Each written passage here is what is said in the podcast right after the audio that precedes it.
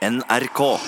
Er du en av de som har kjøpt billett via GoGo noen gang? Nå blir de saksøkt, men hvorfor, Anne?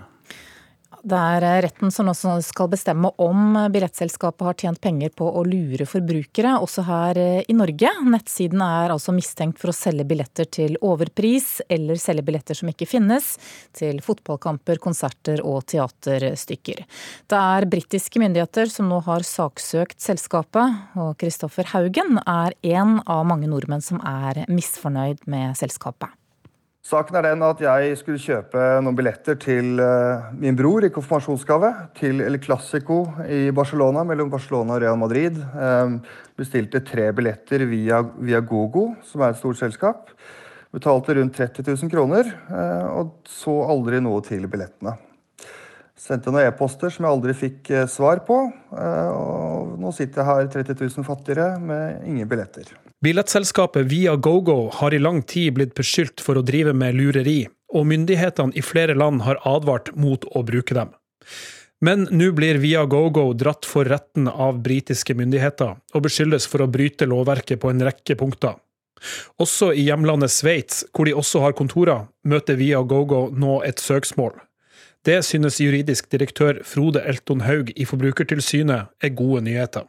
Det er jo veldig positivt at både Sveits og engelske forbrukermyndigheter har anlagt sak hos seg. Forhåpentligvis, hvis du får dommer der som sier at Viagogo driver villedende markedsføring i strid med lovverket, så vil det kunne være noe som vil komme norske forbrukere til gode òg. Han sier at mange norske forbrukere har opplevd problemer når de har forsøkt å kjøpe billetter via Viagogo. Den nettsida til Viagogo er jo en uh, side som vi ser at mange forbrukere har fått problemer med. Uh, mange som har kjøpt billetter, trodd at de har kjøpt billetter fra en offisiell leverandør, og så endte opp med å betale en mye mye høyere pris enn det billettet opprinnelig har kosta. Dette er jo svartebørssalg. Uh, de driver med noe som er forbudt etter norsk lov når de selger billetter til konserter og arrangementer i Norge, og det er jo helt klart kritikkverdig. Direktør Knut Dahl ved Folketeatret i Oslo sier at de hadde store problemer da de satte opp musikalen Le Miserable i fjor og i vår. Vi hadde jo familier som hadde brukt alt altfor mye penger eh, på å komme hit og se, og fikk en dårlig opplevelse fordi de ble lovet plasser som de ikke fikk heller. Nå i vår så hadde vi sikkert 20-30 i uka som, som, hadde latt seg lure, og det er bare de som kontaktet oss. Og de var heldigvis eh, forståelsesfulle for at vi ikke kunne gjøre noe med det, men de var veldig lei seg. Denne uka er det premiere på Phantom of the Opera på Folketeatret, men Dahl har den siste tida merka færre problemer med Viagogo. Tidligere har de kjøpt opp annonseplass av Google og framstått som en seriøs billettdistributør. Ja, det kan se ut som om Google fikk med seg de forrige, den forrige runden med oppslag, så de har blitt mye strengere i forhold til det å få lov å annonsere og kjøpe opp søkeord som f.eks. Phantom Oslo, The Phantom of the Opera Oslo og sånne ting. Eh, da må de kunne dokumentere at de har en avtale med oss om å selge billetter. Viagogo har ikke svart på konkrete spørsmål fra NRK, men skriver i en e-post at de er skuffa over at britiske konkurransemyndigheter går til søksmål.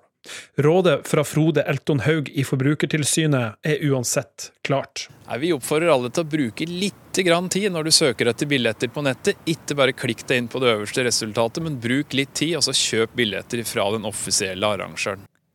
Og reporter her, det var Oddvin Aune. Vi var innom Google i innslaget her, og i dag så fyller internettgiganten 20 år. Selskapet ble grunnlagt i 1998 av to studenter, og var da en av flere små søkemotorer på internett.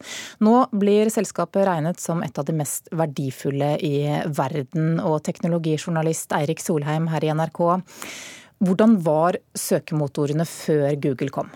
De var jo for det første mye dårligere, men eh, det som vi hadde mye av eh, tidlig på nett, var jo sånne katalogtjenester, på en måte. Hvis de som husker tilbake på Yahoo og Likos og noen av disse.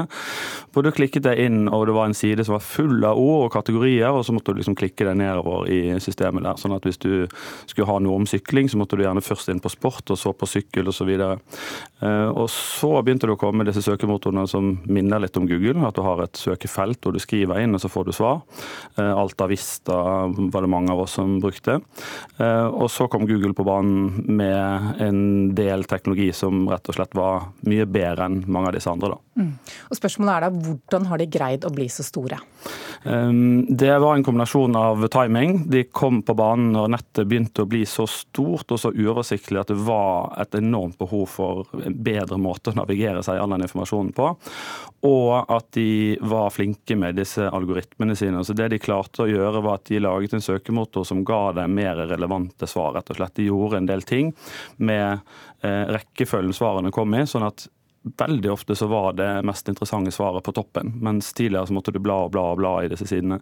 Så de gjorde en del ting med eh, matematikken sin og algoritmene sine som gjorde at du fikk rett og slett bare bedre svar, og så begynte folk å bruke den. Mm. Så er det også mye snakk om denne forretningsmodellen da, som er basert på behandling av personlige data. og Hvilke utfordringer gir det? Det er jo, eh, og det er også En av grunnene til at de har blitt så store, var at de klarte å finne en forretningsmodell rundt dette, så de begynte å tjene penger, for det er viktig for å bli stor. Eh, og Det er klart det er utfordringer eh, med alle som lever av data om oss, og vi kan diskutere hvor mye data de bør egentlig få tak i osv. Det har vært mye snakk om det i det siste med Cambridge Analytica og Facebook og alle disse tjenestene hvor vi legger igjen mye informasjon. På den ene siden så er det jo sånn, sett enkelt på det, så er det jo greit for meg at jeg får reklame som er relevant for meg veldig mye bedre enn å sitte og se på gammeldagse reklameplattformer hvor jeg blir teppebombet av reklame for ting jeg aldri er interessert i. Men eh, så skal vi være bevisst på hvor mye de vet om oss. Og én ting er jo, Vi kan kanskje stole på at Google ikke misbruker de dataene, men når de samler så mye informasjon om oss, hva hvis andre får tak i de?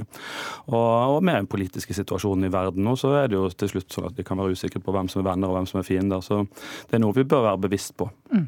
Men hva vet de da om, om deg, f.eks.? Eh, de vet veldig mye. Mm. Og Det kommer litt an på hvordan, hvilke innstillinger du har gjort. Eh, og, og jeg merker jo selv, altså jeg som er langt over middels interessert i teknologi, er sikkert sløv nok bare jeg, og andre som, eh, som ikke er så interessert som meg, lar vel egentlig bare disse dataene renne ut. Så mm, Siden de har såpass god kontroll på både hva du søker på på nett og gjerne mobiltelefonen din, så vet de mye. De vet mye om hvor du befinner deg, og de vet veldig mye om interessene dine og, og hva du driver med.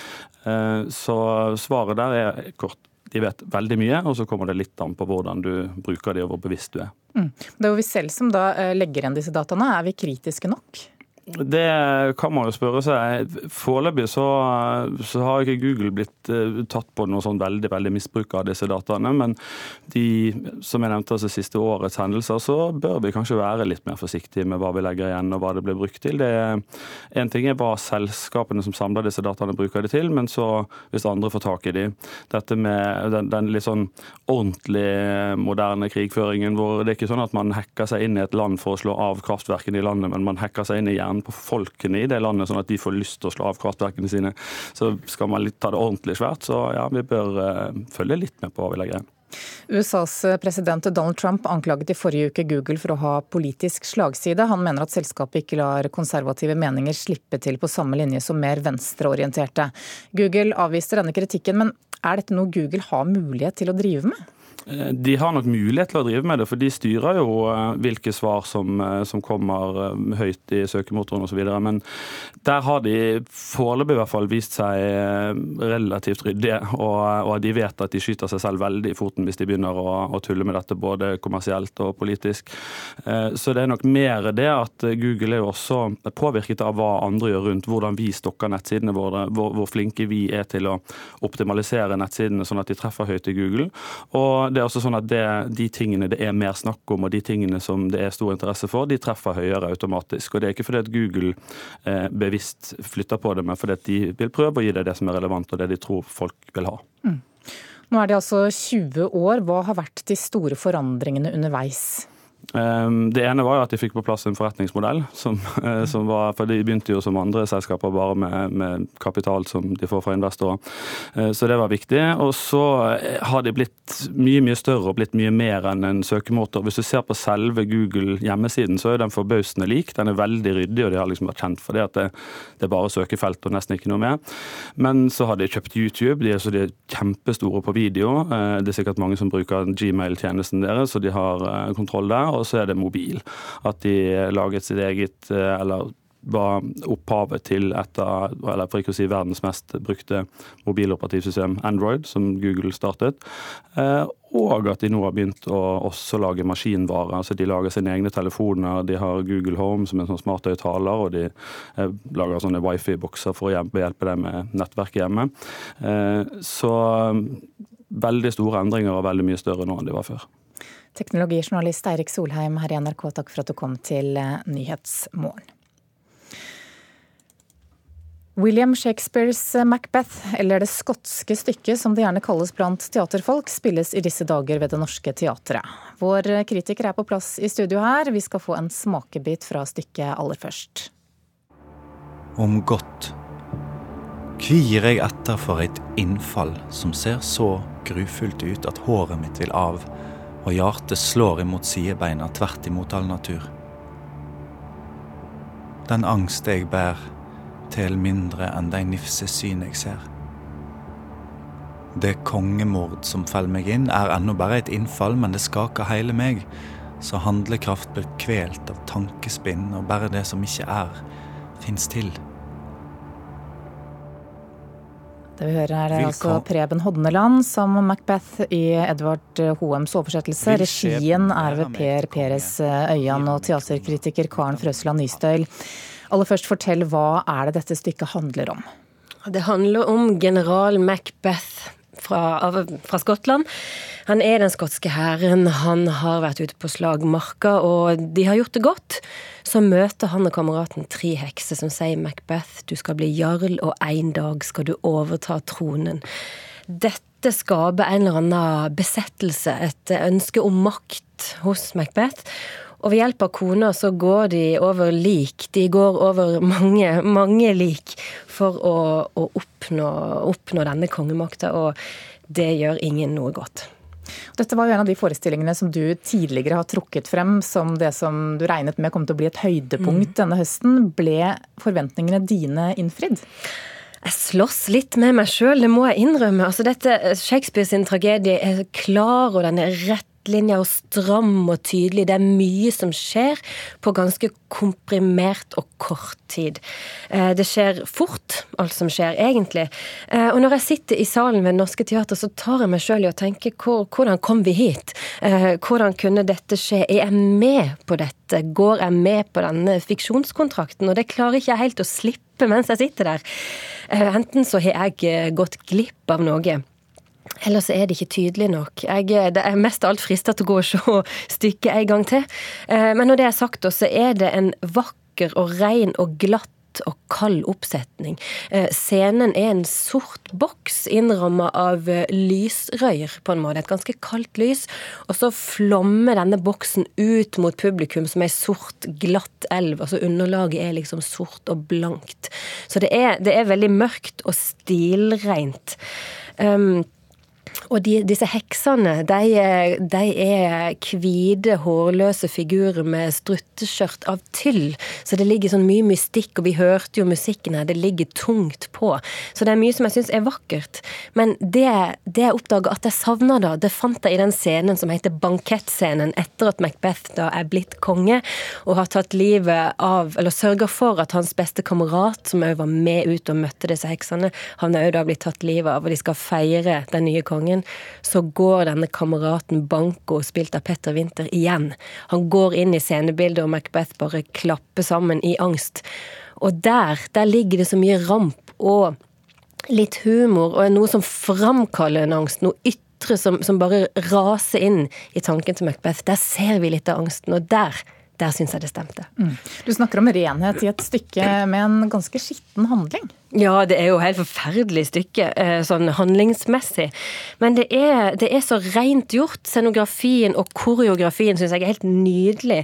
Det er, det er, hans Macbeth sin indre kamp dette handler om. Det er veldig lite blod, men det er denne som vi har hørt i kuttet, denne prosessen. Skal jeg gjøre dette? Skal jeg overskride min egen samvittighet? Og jeg må òg nevne Ingeborg Sundrehagen Raustøl, som spiller Lady Macbeth, for eh, Macbeth hadde aldri kommet seg dit uten henne. De, de gjør det veldig godt i lag. Takk skal du ha, Karen Frøsland Nystøyl.